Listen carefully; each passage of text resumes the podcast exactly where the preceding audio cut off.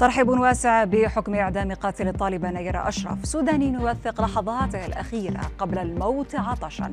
عراقي يصل لمكة قادما. من بريطانيا مشيا على الأقدام.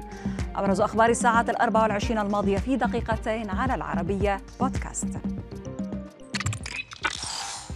حكم أثلج الصدور هكذا قال مصريون لمراسل العربية بعد إعلان محكمة المنصورة إحالة أوراق المتهم بقتل الطالبة نير أشرف إلى مفتي الجمهورية تمهيدا لإعدامه مراسل العربية أفاد بأن القاضي حدد السادس من يوليو المقبل موعدا للنطق بالحكم في قضية لاقت اهتماما واسعا في مصر وفي العالم العربي فيما أكدت النيابة العامة أن المتهم محمد عادل قتل المجني عليها مع سبق الإصرار والترصد حيث وضع مخططا لقتلها وحدد موعدا لارتكاب الجريمة أمام إحدى بوابات جامعة المنصورة. نبقى في مصر أيضا حيث كشفت النيابة العامة أن المتهم بقتل المذيعة شيماء جمال هو زوجها. عضو إحدى الجهات القضائية والذي كان أبلغ عن اختفائها قبل ظهور معلومات جديدة من شخص آخر شارك في ارتكاب هذه الجريمة.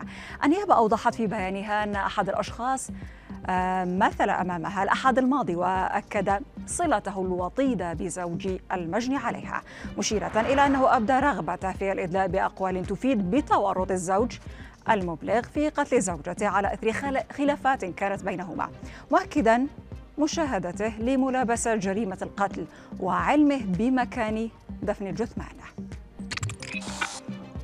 إلى الأردن هذه المرة حيث ارتفعت حصيلة قتلى أو حادثة آه، العقبة إلى 13 شخصا بعد سقوط سهريج غاز كلورين وانفجاره في الميناء فيما لا يزال 130 شخص يتلقون العلاج في المستشفيات.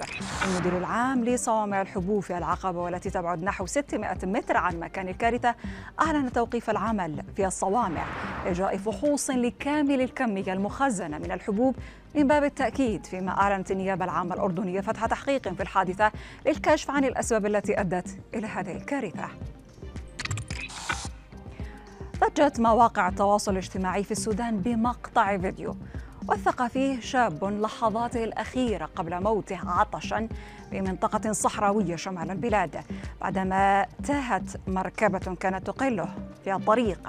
وفي الفيديو الذي لم يتعدى بضع دقائق اعتبر عبد الرحمن السيد أن ما جرى معه مقدر طالبا من الدائنين العفو عنه ومن زوجته الصبر كما طلب من أبيه وإخوته وأهله أن يذكروه ويدعوا له. فيما كشف مصدر للعربية أن الحادث أدى إلى وفاة ثلاثة أشخاص بينهم عبد الرحمن عطشا كما نجا واحد أسعف للمستشفى لتلقي العلاج بعد العثور عليها. وفي خبرنا الأخير وصل العراقي آدم محمد إلى مكة المكرمة لأداء فريضة الحاج قادما من بريطانيا سيرا على الأقدام ومصطحبا عربة ذات ثلاث عجلات لنقل أغراضه.